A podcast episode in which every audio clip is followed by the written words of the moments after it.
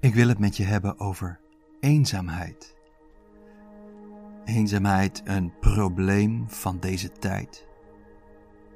Is dat zo? Een probleem van alle tijden dan? Een probleem? Of is het een gegeven? Kunnen we elkaars eenzaamheid oplossen? Zoveel mogelijk bezoekjes afleggen, ouderen niet vergeten, eenzame mensen uitnodigen met kerst, koffie, ochtenden voor eenzame mensen, goede initiatieven, allemaal. Maar eenzaamheid zit diep hoor. Als jij bij een eenzame oudere of jongere op bezoek gaat, ga je ook weer weg. En dat moment komt dan hard aan. Kun je je eigen eenzaamheid oplossen? Daar zit misschien eerder een sleutel. Kun je accepteren dat jij tot op zekere hoogte echt in je eentje bent? Dat mensen namelijk om je heen nooit precies voelen en ervaren wat jij meemaakt. En dat dat oké is. Dat is een belangrijke voorwaarde voor geluk, denk ik. Maar er ligt nog iets diepers onder. En dat is gekend zijn. Weet jij je gekend? Op een diep niveau. En door wie dan?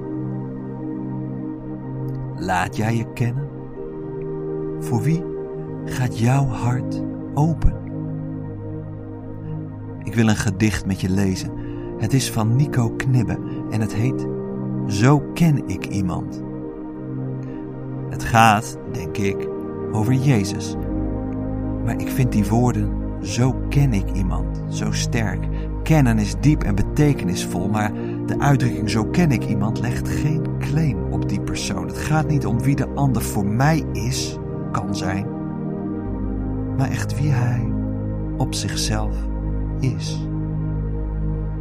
Zo kunnen kijken naar iemand, zo kunnen bewonderen, maakt dat je weet dat je niet samenvalt met iemand anders. Dat dat helemaal niet hoeft.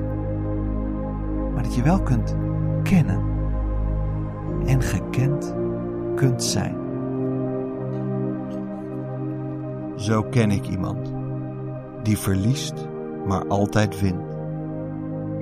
Zo ken ik iemand die krijgt en alles geeft, die niets, maar alles heeft, die het einde is en ook waar het begint. Zo ken ik iemand die op me wacht al is het laat. Zo ken ik iemand die het vuur brandt als ik slaap, die zich breekt tot ieder heeft, die vooruit gaat tot het water is gezakt. Zo ken ik iemand, nooit tot, maar altijd met. Zo ken ik iemand tegen beter weten in. Zo ken ik iemand die de weg is en ook gaat. Zo ken ik iemand die drinkt in de woestijn. Zo ken ik iemand die is waar hij zou zijn. Die het geheim kent en de sleutel heeft. Die zijn talen spreekt met de adem van de wind.